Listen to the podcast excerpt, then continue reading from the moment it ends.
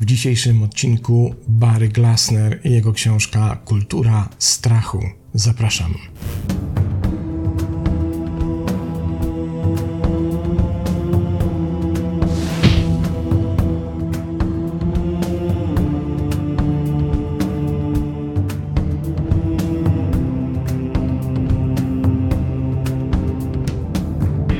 Zanim przejdziemy do zaprezentowania dorobku autora, warto powiedzieć co nieco o samej książce i o tym, skąd wybór na dzisiejszy odcinek właśnie jej.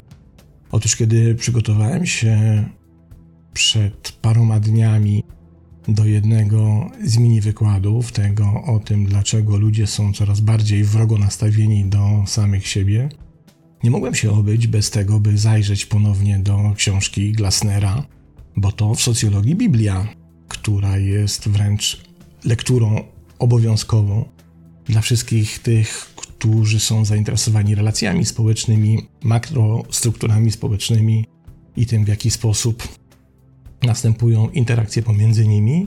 I z ciekawości, kiedy po raz kolejny czytałem fragmenty książki pana profesora, sprawdziłem, kiedy ukazała się na rynku polskim i jakie wydawnictwo ją wydało.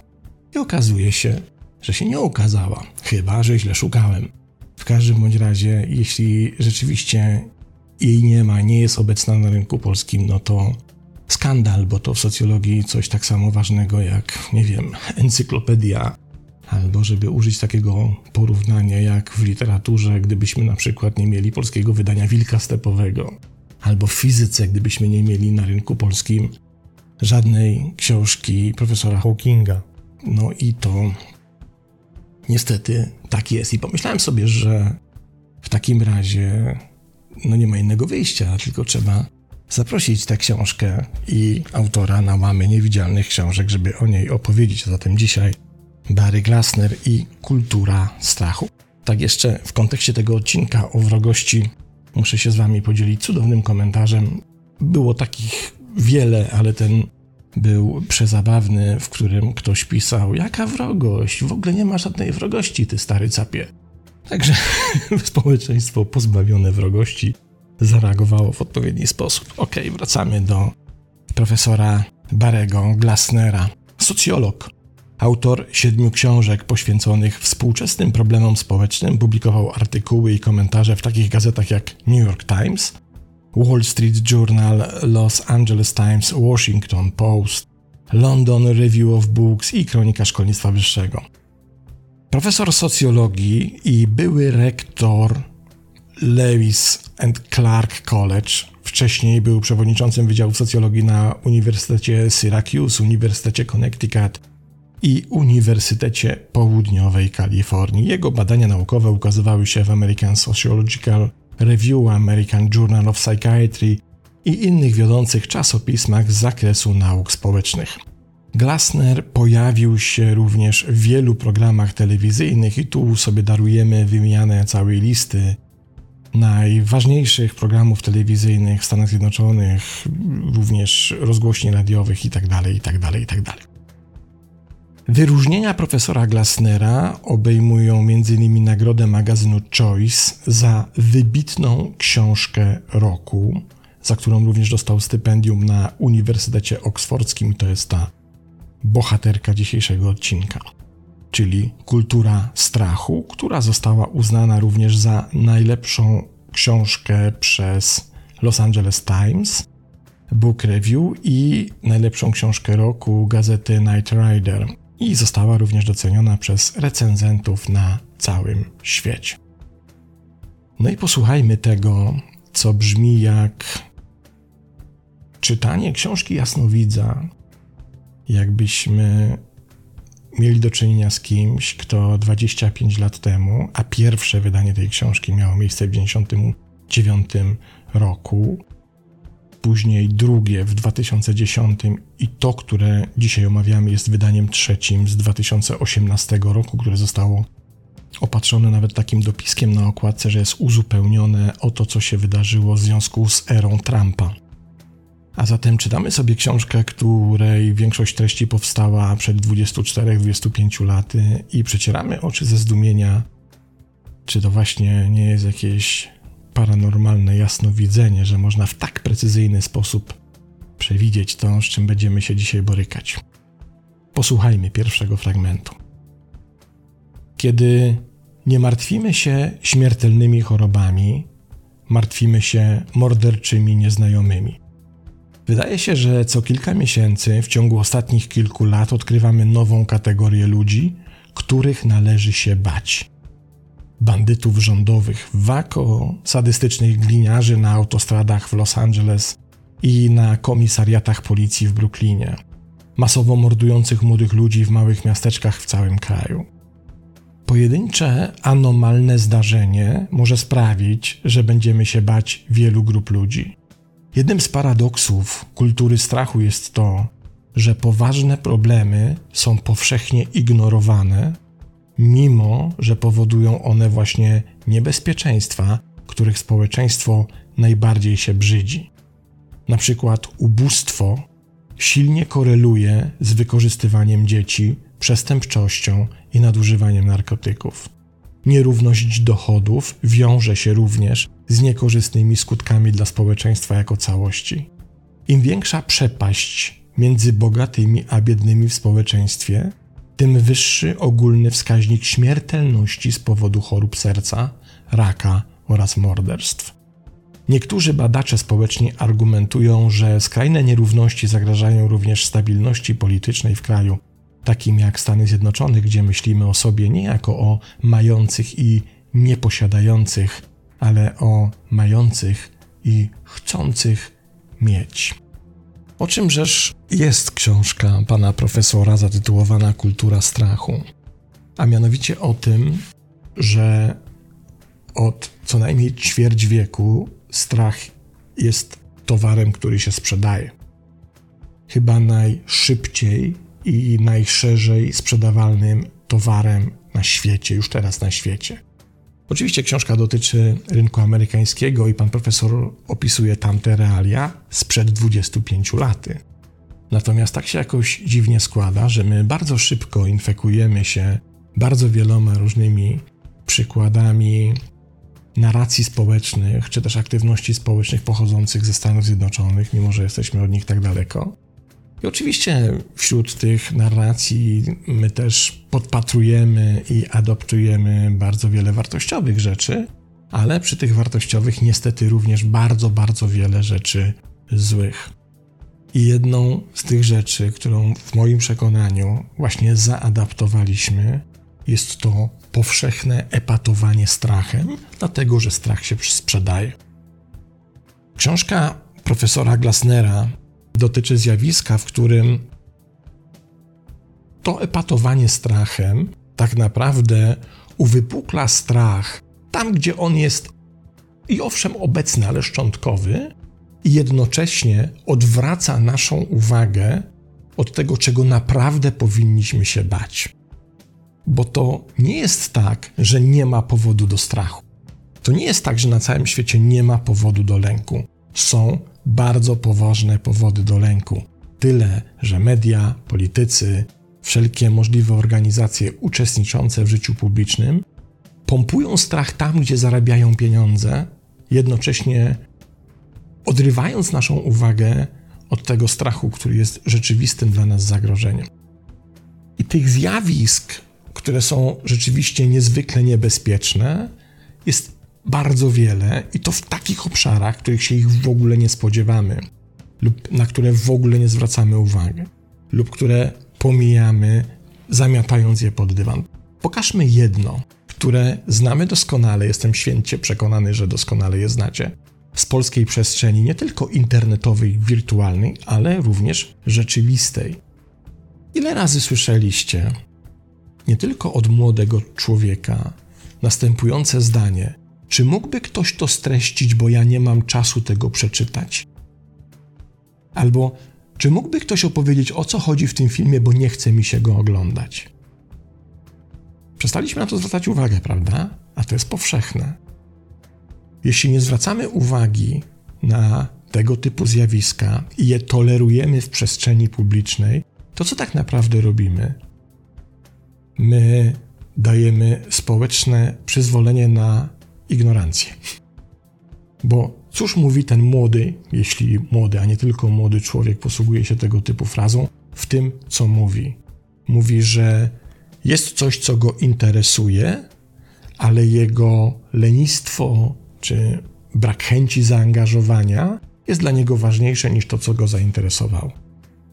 Czyli to oznacza, że jeśli ten człowiek będzie chciał być na przykład w przyszłości lekarzem i damy mu książkę z medycyny specjalistyczną, to on również powie: E, to może ktoś mi to streści, bo ja nie mam czasu tego czytać, albo ja nie jestem tym zainteresowanym. Tego się powinniśmy bać. Bo to są zjawiska społeczne niezwykle groźne, o czym pisze pan profesor. Dlaczego? Chociażby dlatego, że ten człowiek pójdzie na wybory. I ten człowiek z tą wizją świata dokona wyboru tych ludzi, którzy nie tylko w Polsce, ale na świecie będą nami rządzić. I zrobiło się groźnie, prawda? I dokładnie to pokazuje ta cała afera z atakiem na Kapitol w przypadku tej nagonki Trumpa. To są bardzo groźne zjawiska społeczne, które pomijamy, bo wciska nam się strach, nadmierny strach, tam gdzie tak naprawdę ta reaktywność strachu jest nieadekwatna do tego, czy na pewno powinniśmy się tych rzeczy w takim wymiarze obawiać. Kolejny fragment. Jeszcze bardziej ironiczne, choć trudniejsze do zmierzenia, są negatywne konsekwencje paniki społecznej. Od razu mówię, ten egzemplarz książki, to wydanie pochodzi z 2018 roku, jeszcze przed tym, o czym wszyscy teraz myślimy, prawda? Przesadne postrzeganie ryzyka związanego na przykład z rakiem przynosi przynajmniej korzystne produkty uboczne, takie jak hojne fundusze na badania i leczenie tej wiodącej przyczyny śmierci. Jeśli jednak chodzi o panikę na dużą skalę, trudno jest dostrzec, w jaki sposób potencjalne ofiary mogłyby skorzystać z tego szaleństwa. Czy panika sprzed kilku lat w związku z napaściami seksualnymi na dzieci ze strony przedszkolanych i księży sprawiła, że dzieci miały się lepiej? Wydatki publiczne napędzane paniką generują w dłuższej perspektywie patologię podobną do tej, którą można znaleźć u narkomanów. Im więcej pieniędzy i uwagi trwonimy na nasze kompulsje, tym mniej mamy do dyspozycji naszych rzeczywistych potrzeb, które w konsekwencji rosną. Podczas gdy wydaje się fortunę na ochronę dzieci przed niebezpieczeństwami, z którymi spotyka się tak naprawdę ich niewielu, około 11 milionów dzieci nie ma ubezpieczenia zdrowotnego a 12 milionów dzieciaków jest niedożywionych, a wskaźniki analfabetyzmu wciąż rosną.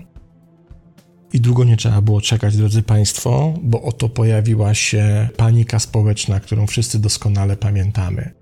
Z totalnymi absurdami, z pustymi obiektami sportowymi, pełnymi łóżek polowych, na których nikt albo mało kto leżał z zakazem wejścia do lasu, z Antonowem pełnym maseczek, które później trzeba było i tak zutylizować.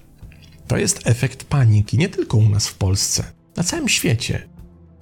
Kiedy się taka panika tworzy, to działania osób, które próbują obsłużyć tę panikę, stają się tak irracjonalne, że trwonione są środki, które naprawdę mogłyby bardzo wielu ofiarom rzeczywistego problemu bardzo, bardzo pomóc. A tego się nie robi, ponieważ karmi się mrzonkami dyktowanymi właśnie społeczną paniką. Dalej.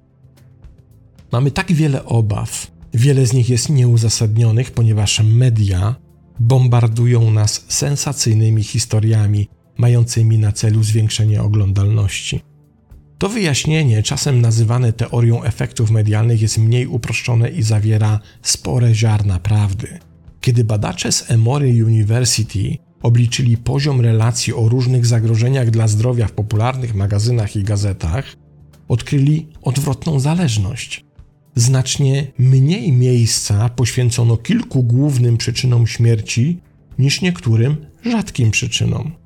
Główna przyczyna śmierci, choroby serca, uzyskała w przybliżeniu taką samą kwotę jak jedenasta przyczyna śmierci, czyli zabójstwa. Odkryli podobną odwrotną zależność w pokryciu czynników ryzyka związanych z poważną chorobą i śmiercią. Najniżej sklasyfikowany czynnik ryzyka, zażywanie narkotyków, poświęcono na to prawie tyle samo uwagi, co na drugi czynnik ryzyka, czyli dieta i ćwiczenia. Jakakolwiek analiza kultury strachu, która ignorowałaby media informacyjne, byłaby oczywiście niekompletna, a pośród kilku instytucji najbardziej winnych za tworzenie i podtrzymywanie paniki, media informacyjne są prawdopodobnie na pierwszym miejscu. Jednak z tego samego powodu krytyka jest kluczowym niedociągnięciem w argumentach obwiniających media.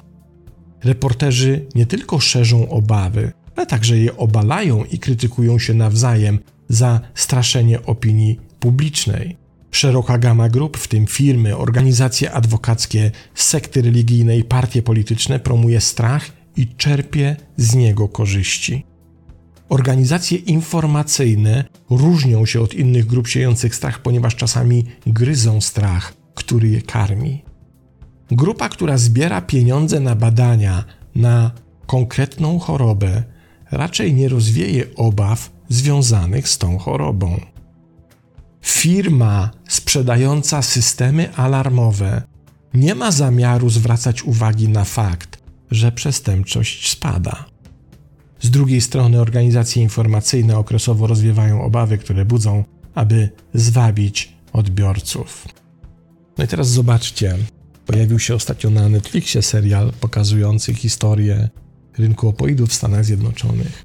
I tam jest fragment, w którym ta rodzinna firma, która wprowadziła te uzależniające leki, które dużo bardziej uzależniają niż narkotyki, ona prowadziła przez lata kampanię informacyjną, która mówiła, że tam nie ma żadnego uzależnienia, że można bezpiecznie je spożywać, dlatego że one się bardzo powoli wchłaniają, więc skoro się tak powoli wchłaniają, nie ma mowy o uzależnieniach. Efekt po kilku i kilkunastu latach tego procederu jest taki, że wystarczy sobie wygooglować USA zombie i zobaczycie, jakie zdjęcia wam wyjdą.